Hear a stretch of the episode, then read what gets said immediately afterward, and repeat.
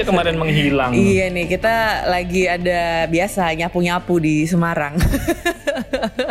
Gue tuh dihubungin beberapa orang ya pendengar. Mm. Yang mana Lisa, ke mana Lisa gitu kan? Oh, gua Masih bilang, mas. Iya iya dia, dia lagi pergi sama Homer gue bilang. iya gitu deh biasa. Ini anak anak 90-an pasti ngerti nih bercanda ini.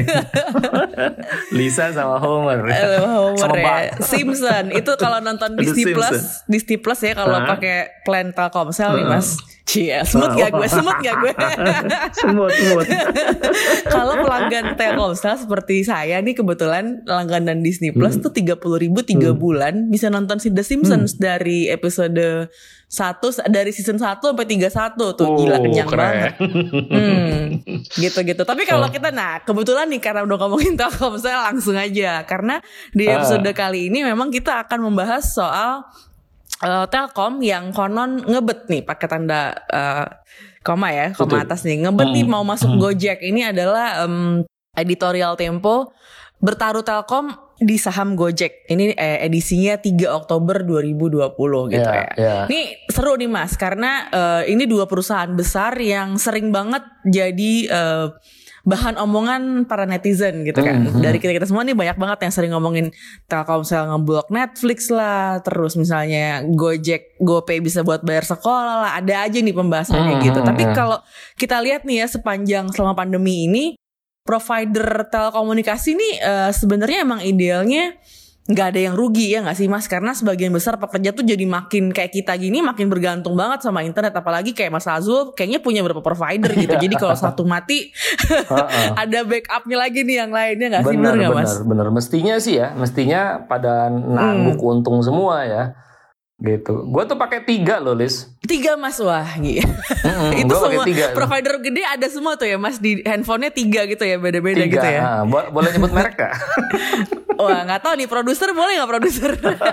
boleh lah sebut aja mas. jadi gue di ada di rumah ada ta- eh, My Republic Hmm. terus gue pakai HP gue pakai Telkomsel Ya. lalu punya gue punya backup eh, modem portable gitu eh, Indosat Hmm, seru deh Oke oke oke oke.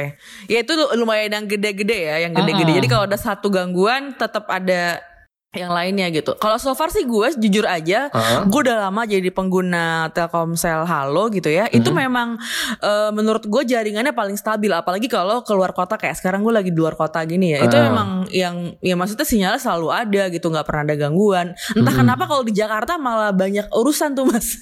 iya justru justru gue harus backup dengan beberapa ini yang lain Nah. operator yang lain karena eh, Iya. ya sorry Telkomsel ngedrop banget sepanjang masa pandemi ini Hmm, iya kan. Makanya Hmm. gue itu ketolongnya memang kalau keluar ya mas kayaknya kalau kalau gue eh, perhatiin ya. gitu ya daerah gitu. ya Nah tapi kali ini di episode apa kata Tempo kali ini kita mau ngebahas soal ini nih karena katanya eh, redaksi Tempo nih menemukan eh, eh, ini ya ada indikasi gitu ya kalau eh, Telkom ini ada rencana untuk menginvestasikan triliunan rupiah ke Gojek gitu karena kan Betul. Gojek ini sebagai eh, startup Dekakorn gitu ya Iya. Un- eh, salah satu perusahaan rintisan yang sukses banget nih dari PT Karya Anak Bangsa gitu yang Eh, jadi superstar lah ya mas sekarang Mm-mm. sebagai perusahaan muda Mm-mm. eh, bisa meng-hire banyak orang dan memang jadi sumber ini ya jadi tulang punggung ekonomi kita juga nih karena sudah ada sekitar 2 juta mitra driver ya yang Iya. yang menggantungkan hidupnya mendapatkan pendapatan dari eh, sehari-hari narik gojek gitu baik itu narik penumpang atau nganter nganter barang atau yang nganter makanan gitu ya mas Iya betul. Dan jangan lupa 500 ribu pedagang yang terlibat di dalam Hmm. eh, Gojek, eh, GoFood dan sebagainya itu. Iya iya iya. Ini kalau saya baca di editorial Tempo, jadi eh, kalau kita ngomongin bisnis provider itu kan harusnya di tengah pandemi itu laris manis gitu kan. Tapi Mm-mm. perkembangan bisnis Gojek ini justru eh, diperkirakan tertekan gitu karena bisnis ini tuh jadi bergantung dengan mobilitas penggunanya. Jadi ketika pada PSBB ya itu pada drop tuh. Kita Berkurang. tahu abang-abang Gojek, iya abang-abang Gojek semuanya pada eh, protes ke pemerintah gitu kan karena peraturannya meng- dianggap merugikan mereka gitu kan. Mm-mm, mm-mm. Nah ini karena kondisi bisnis eh, ojek online ini lagi turun gitu ya. Mhm. Eh, ada anak usaha Telkom nih Telkomsel berencana eh, invest nih Mas. Nah di, di di editorial Tempo ini Tempo nggak menyarankan ini gitu kan? Iya. Karena iya. katanya ada ya ada yang nggak sedap lah dari rencana kali ini gimana Mas? Boleh diceritain nggak? Ya, jadi gini, eh, sebetulnya rencana Telkom untuk membeli saham Gojek itu sudah pernah di- disiapkan pada 2018 ya. Pada 2018 ketika Menteri BUMN-nya itu masih Bu Rini Sumarno Hmm. gitu. Eh, kira-kira ada 7 triliun tuh uang disiapkan, kurang lebih ya 7 triliun uang disiapkan cuman setelah dikonsultasikan dengan kejaksaan eh, kelihatannya negatif responnya. Kenapa? Karena kejaksaan menilai bahwa eh, ukuran dari sebuah perusahaan BUMN kalau dia mau beli perusahaan lain itu yang harus jelas barangnya gitu. Misalnya kayak beli Freeport gitu ya, pemerintah beli Freeport kan jelas tuh Ya. ada Freeportnya, ada emasnya dan sebagainya. Sementara kalau eh, apa namanya perusahaan seperti Gojek ini dia menjual future value istilahnya. Jadi nilai masa depan Hmm. gitu. Nah, memang untuk sementara ini kan Gojek ini kan belum untung Hmm. dalam pengertian dari cash flow-nya begitu. Tapi dia future value-nya itu gede banget Hmm. gitu. Jadi yang kalau Lisa bilang yang Dekakorn itu yang eh, nilainya itu dia sekarang Gojek itu udah 100 186 triliun gitu. Iya. Mm-mm. Nilai future value. Nah, itu kejaksaan tuh nggak setuju gitu.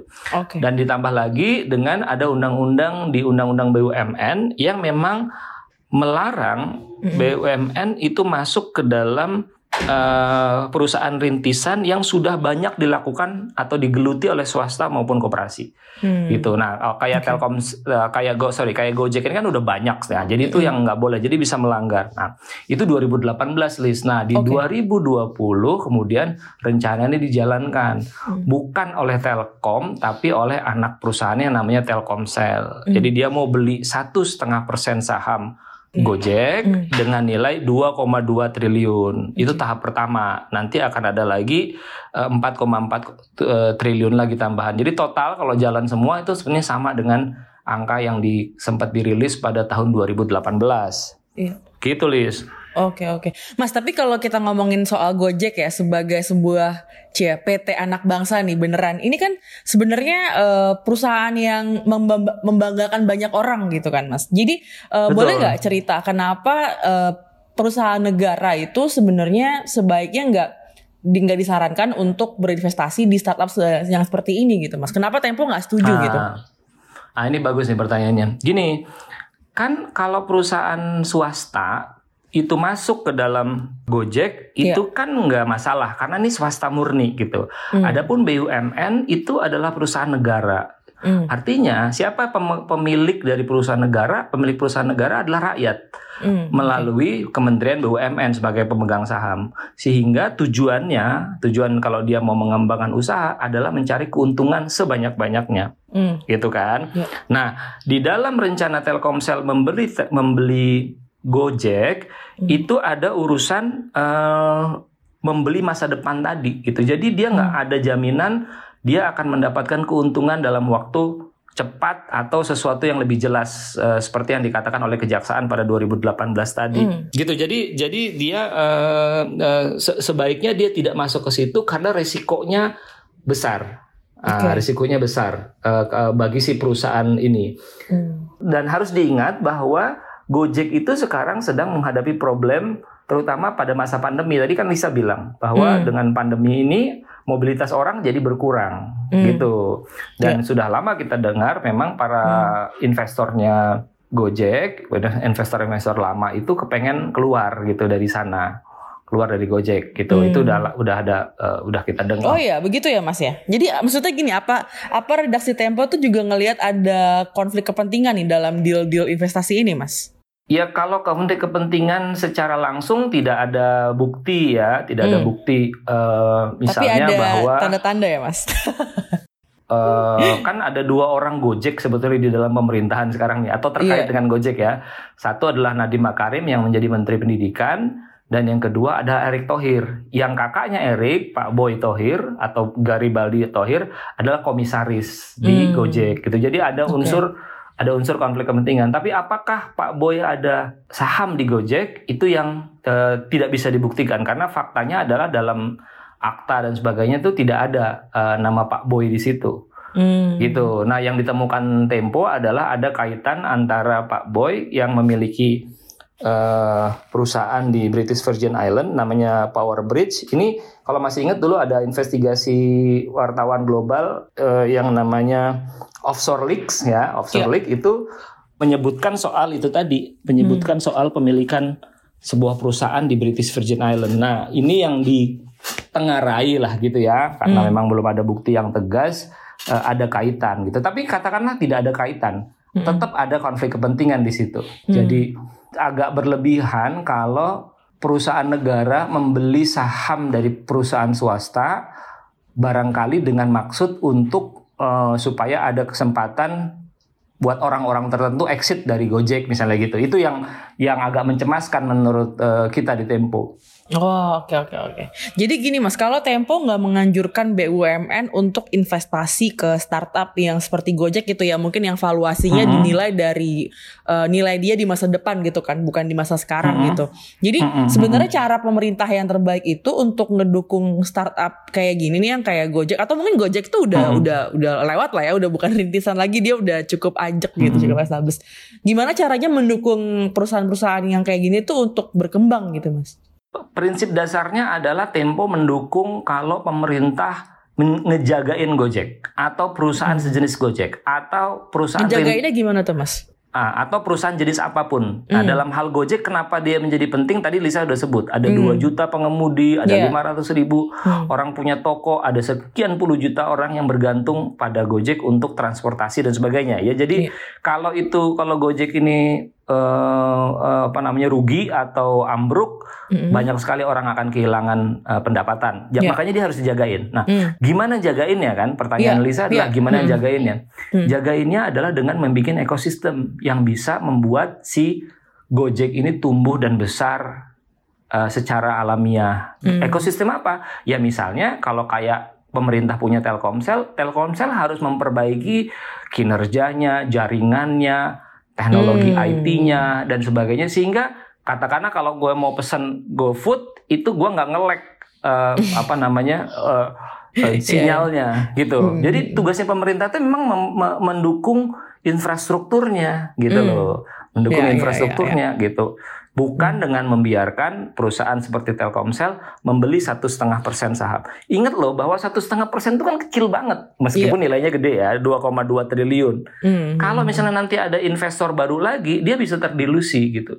Jadi hmm. semua mimpi dari Telkomsel untuk mendapatkan benefit dari Gojek itu bisa nggak ada nggak tercapai karena yeah. dia cuma satu setengah persen gitu hmm. loh. Ya, ya, ya, oke. Gitu. Oke. Okay. Jadi kalau kalau gue nih sering dengerin ini kan, mas sering dengerin uh, bukannya kuliah ya, tapi kayak tips-tips lah dari para apa ahli finansial uh, ahli finansial atau ahli keuangan gitu ya katanya kalau investasi itu memang sebaiknya uh, kalau kalau mungkin kalau kayak negara gini yang lebih konservatif gitu kali ya mas jadi jangan ter apa exactly. mengatur re resikonya tuh jangan yang terlalu kayak uh, mungkin yang volatil. Mungkin Gojek ini dinilai bisa uh, cukup volatil buat negara gitu kan. Betul, betul, betul. Hmm. Itu itu benar itu, benar okay. itu. Oke, okay, oke. Okay. Jadi mungkin gini kali ya kalau misalnya pakai Telkom diskon kali GoFood atau gimana gitu kali ya kalau mau ngedukung. cara iya, mendukung. Iya, kan kan kira kan orang uh, orang Telkomsel kan mengatakan begini, nanti kalau ada kerjasama nanti hmm. ada merging big data gitu yeah. kan. Hmm. Lalu Telkomsel akan diuntungkan dengan sejumlah fasilitas di dalam Gojek. Yeah. Atau Gojek diuntungkan dengan sejumlah fasilitas dalam Telkomsel kira-kira gitu. Yeah. Jadi gue bayang-bayangin misalnya kalau misalnya begini ya skenario-nya ya, uh, hmm. kalau lu pakai Telkomsel maka lu dapat diskon gitu hmm. untuk beli makanan gitu. Ya kan? Yeah. Kalau itu sih mungkin menguntungkan buat yeah. uh, uh, konsumen. Yeah. Tapi kan repot kalau misalnya begini, hanya yang pakai Telkomsel yang bisa beli GoFood gitu. Waduh. Kayak kan Netflix kan gak bisa tayang di Telkom. nah, itu padahal kita tahu kebutuhan kita atau masyarakat terutama di kota terhadap fasilitas-fasilitas Gojek, GoPay dan yeah. GoFood dan segala macam itu sudah sangat tinggi gitu. Iya, yeah, iya, yeah, iya. Yeah. Oke. Okay. Nah, sebenarnya kalau kita ngomongin uh, uh, Telkom Telkomsel dan Gojek berbagi data gitu ya Mas. Uh, sebenarnya gue masih agak-agak worry sih karena pembicaraan hmm. kita soal data ya, data pribadi gitu kan. Itu sebenarnya belum cukup mature gitu ya percakapan orang-orang kita gitu ya. Maksudnya uh, kita tahu nih banyak banget concern soal bocor data lah kemarin kayak Tokopedia kalau katanya ada yang jual datanya segala macam gitu kan. Nah, hmm. ini kalau misalnya dua perusahaan gede kayak Telkom atau kayak Gojek bisa mereka gabung terus data kita jadi itu kan juga satu percakapan untuk mungkin untuk waktu lain gitu ya mas. Cuma tetap aja menurut gue itu ngeri dan perlu diawasin juga sih kalau memang ternyata alasannya demikian gitu ya nggak sih? Iya iya iya dong. Hmm. iya. Pemerintah yeah. sebagai regulator tuh uh, punya kewajiban untuk itu Hmm, oke oke oke. Oke, demikian ya podcast edisi kali ini. Eh, laporan lengkapnya bisa dibaca di majalah Tempo edisi Mimpi Telkom masuk Gojek. Ini bisa dibaca di majalah.tempo.co atau di aplikasinya. Thank you banget Mas Azul, ngobrol-ngobrolnya seru. Thank you. Thank you. Sampai jumpa minggu depan. Bye bye. Thank you Lisa. Bye.